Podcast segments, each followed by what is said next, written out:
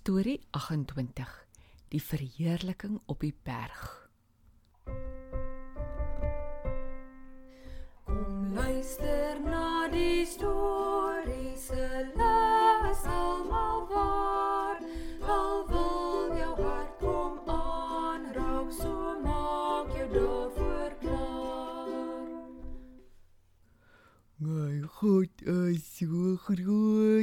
So sterk en so magtig. Hallo Tannie Karen.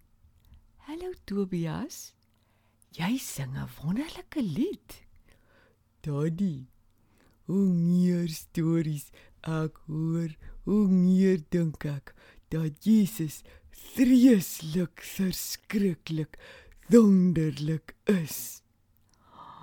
O, ek het 'n storie waar drie van die disippels iets interessants gesien en gehoor het van ons wonderlike Jesus. Kan ek maar vertel? Dadelik asseblief, dadelik.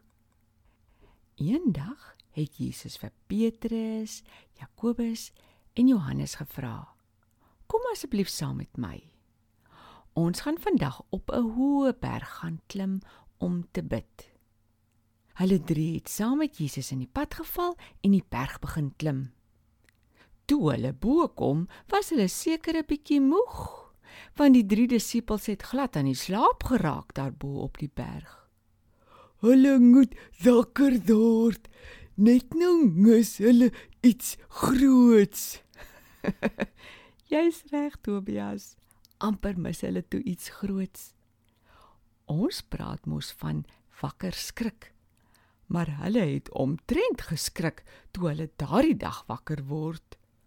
Daar soort Tannie.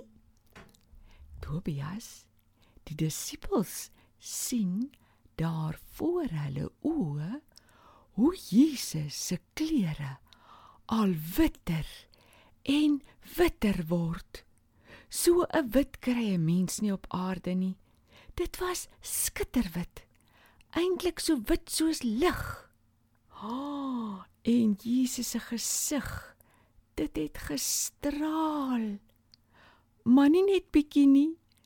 Dit het so erg gestraal dat sy gesig geskyn het soos die son. Sjoe, Tannie. Dis fantasties.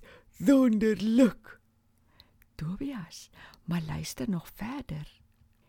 Toe Jesus so stralend daar staan, toe sien hulle ewe skielik twee mans by hom. Hulle het nie foto's gehad van hulle oumas en oupas soos ons nie, ook nie van mense wat lank gelede geleef het nie. Maar toe hulle die twee mans sien, het hulle dadelik geweet dit is Moses en Elia. Dalk kon hulle ook sommer in die gesprek aflei, want Jesus en Moses en Elia het staan en gesels oor wat Jesus nog op die aarde moes doen.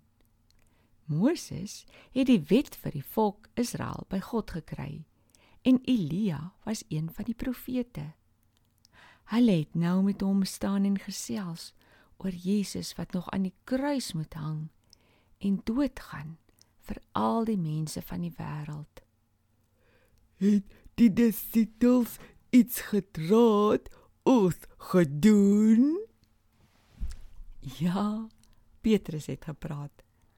Hy was een van daai mense wat sommer begin babbel van skrik. Hy sê toe: "Ek is bly ons is nou hier. Kom ons bou 3 hutte vir julle elkeen." Ek dink hy het hom so verwonder aan hoe mooi Jesus lyk dat hy gevoel het hulle moet sommer vir altyd hier op die berg bly. Maar Petrus moes verstaan dat Moses en Elia se werk al klaar was. Jesus is die enigste een van hulle drie wat bly, want hy moes die werk waarvoor sy Vader hom na die aarde toe gestuur het, klaarmaak. Hy moes sterf en opstaan en dan sou almal kon sien dat alles wat die profete gesê het waar is.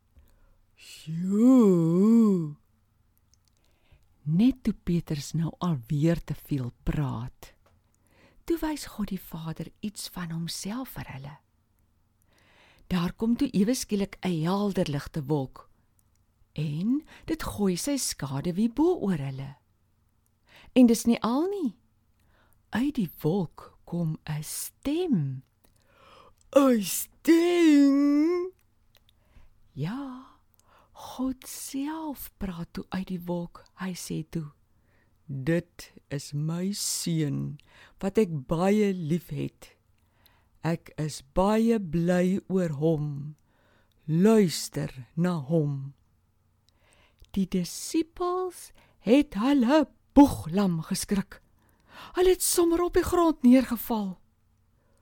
Daddy, dit moes fantasties gewees het om dit te sien.